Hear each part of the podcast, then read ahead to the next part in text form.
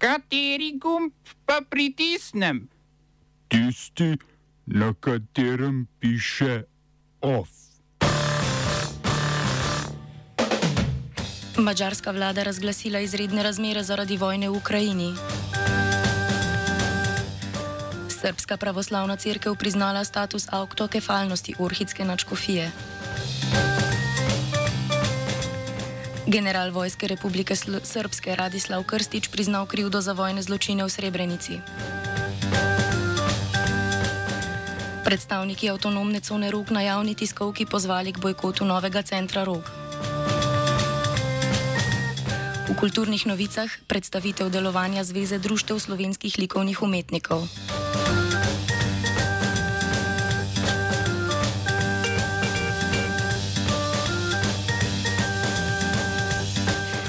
Mačarski parlament je včeraj potrdil spremembo ustave, s katero lahko vlada razglasi izredne razmere v primeru vojne, oboroženih spopadov ali humanitarne krize. Parlament je spremembo sprejel z dvotretinsko večino, potrdili so tudi novo vlado premijeja Viktorja Orbana. Le nekaj ur kasneje pa je nova vlada izredno razmerje tudi razglasila. S spremembo ustave je omogočeno razglasiti izredne razmere tudi v primeru, če se s humanitarno krizo, vojno ali oboroženimi spopadi sooča sosednja država. Vlada, ki, večino, ki jo z večino vodi desničarska stranka Fides, je po sprejetju spremembe ustave razglasila izredne razmere zaradi vojne v Ukrajini, ki veljajo od polnoči naprej. Izredne razmere zaradi COVID-19 na mačarskem trajajo že od začetka epidemije in bi se morale izteči s koncem tega meseca. S podaljšanjem izrednih razmer pa bo vladi Viktorja Orbana omogočeno nadaljne vladanje z odloki, prav tako pa bo javnim uslužbencem še naprej prepovedano stavkanje.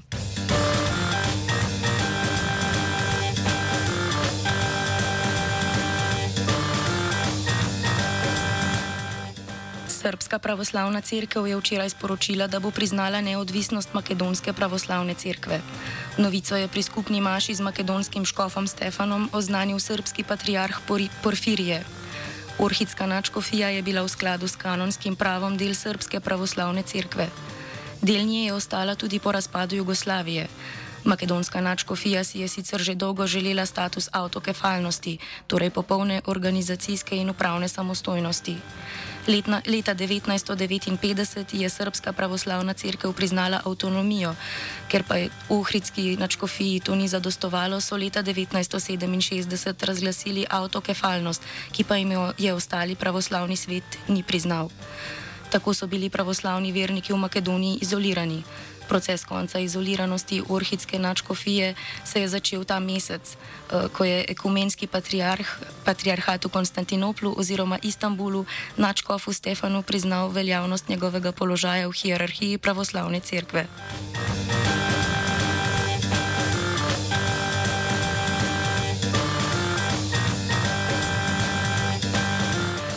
Okrajno sodišče v Beogradu je zavrnilo očkodninsko tožbo Telekoma Srbije proti medijski skupini United Group, del katere sta tudi medijski hiši N1 in Nova RS.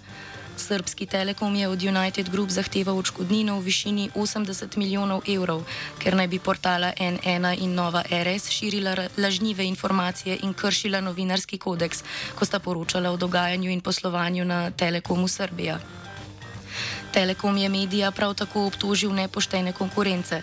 Kot so zapisali pri United Group, se je z razsodbo v njihov prid preprečil vpliv vladajoče politike, ki bi preko Telekoma Srbije vplivala na poročanje medijev o informacijah javnega interesa. Telekom je zaradi lastništva več televizijskih in kabelskih kanalov eden glavnih igralcev na trgu medijev v državi.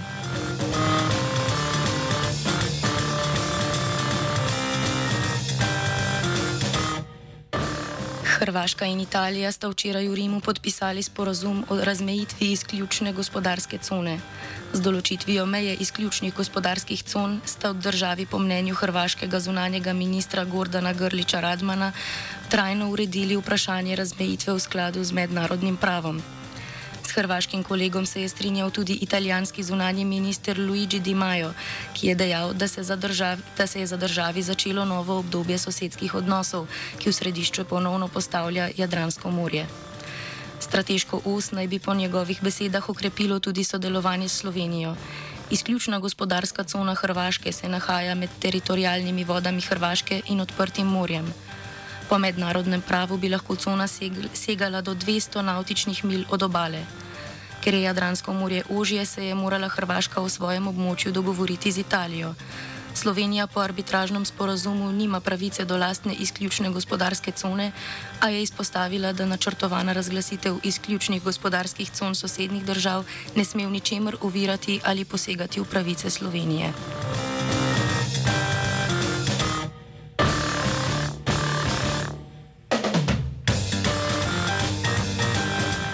Radislav Krstič, bivši general Vojske Republike Srpske, je priznal krivdo za vojne zločine v Srebrenici leta 1995. Krstič je letos aprila poslal pismo predsedniku mehanizma za mednarodna kazenska sodišča MICT Karmelu Adžusu. V pismu, ki ga je včeraj objavil sarajevski portal Faktor, je Krstič priznal krivdo za zločine in v popolnosti priznal razsodbo sodišča, ki mu je dodelilo 35 let zaporne kazni. Nadalje prosi, da se mu omenjena zaporna kazen skrajša. Krstič je sicer prestal že dve tretjini kazni. V, na, v zadnjih mesecih vojne v Bosni in Hercegovini je kot general poveljeval tako imenovanemu Drinskemu korpusu Vojske Republike Srpske. Kot general je bil prisoten ob padcu Srebrenice, ki je bila pod zaščito mednarodnih sil Združenih narodov. Sile bosanskih Srbov so kasneje izvedle poboj bošnjaškega prebivalstva in umorile več kot 8000 ljudi.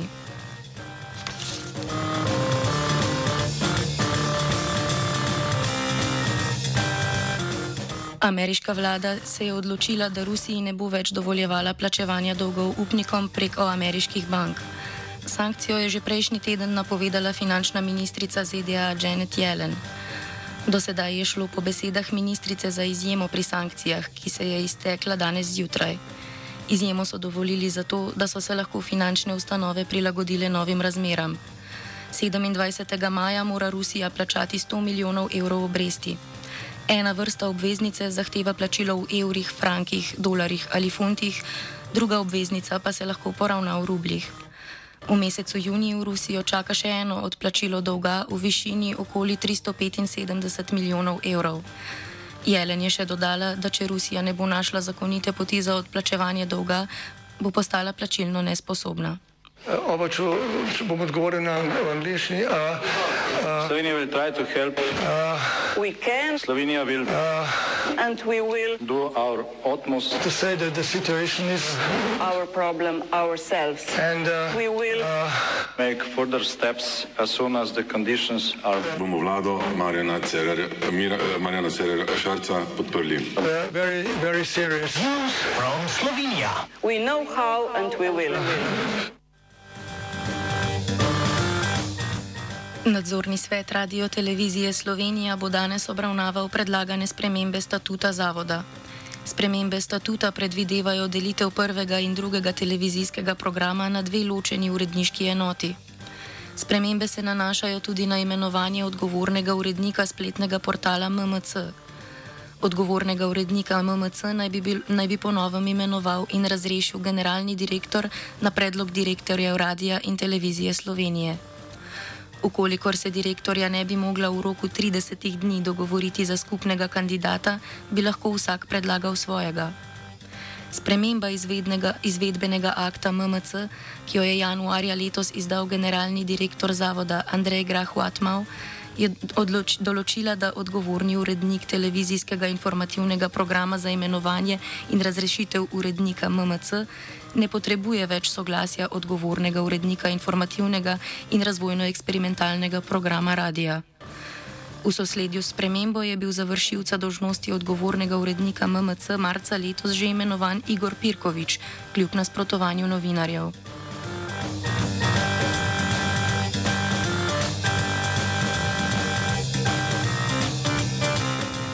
Pred zdaj že bivšo avtonomno cono Rok so se danes zbrali predstavniki avtonomne cone.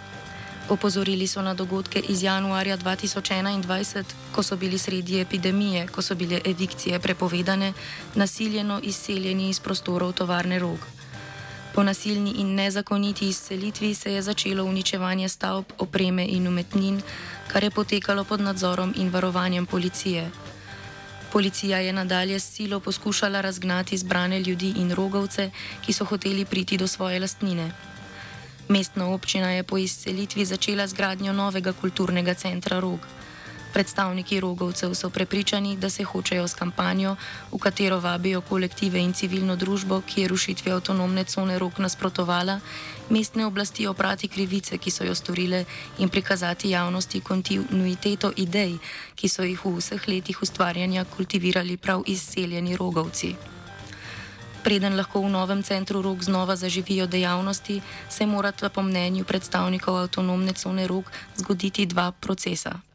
Preden lahko v prostorih nekdanje avtonomne tovarne rok znova zaživijo dejavnosti, se morata odviti dva procesa. Prvi, soočenje s preteklostjo in poravnava krivic. To pomeni odprta razprava, v kateri se akteri javno opredelijo do dogodkov 19. januarja 2021 in se določi primerna kompenzacija rokovcem, ki so bili nasilno in ilegalno razlaščeni. Brez soočenja s preteklostjo noben projekt na območju tovarne rok ne more biti legitimen. Soočenje s prihodnostjo, druga točka. Soočenje s prihodnostjo in demokratično planiranje novih prostorov. To pomeni odprto razpravo o prihodnosti roga, v kateri lahko sodelujemo vsi, ne le poslušni partnerji mestnih oblasti. Do zdaj so osnovalci novega roga razpravo s kritičnimi glasovo, glasovi vedno zavračali ter izključevali iz svojih delavnic vse, ki imajo drugačne razvojne ideje in dejanske izkušnje z upravljanjem roga. Ustrajamo, da je potrebno javno soočenje vizij in argumentov na neodvisni platformi. Rezultati konsenzualnih zaključkov naj bodo podlaga za nadaljne načrtovanje novih prostorov na lokaciji. Sedaj je vnaprej določen program voden strani neizglasovanih upravnikov, ki se javnosti naknadno prodaja kot participatoren. Če snovalci novega roga svoje krilatice o participaciji in demokraciji jemljajo resno, mora biti javno soočenje prvi korak. Dokler se ta dva procesa v popolnosti ne izvedeta, predstavniki avtonomne cone rok pozivajo k bojkotu kulturnega centra rok in vseh dejavnosti, ki so z njim povezane. OF je pripravil Premrov.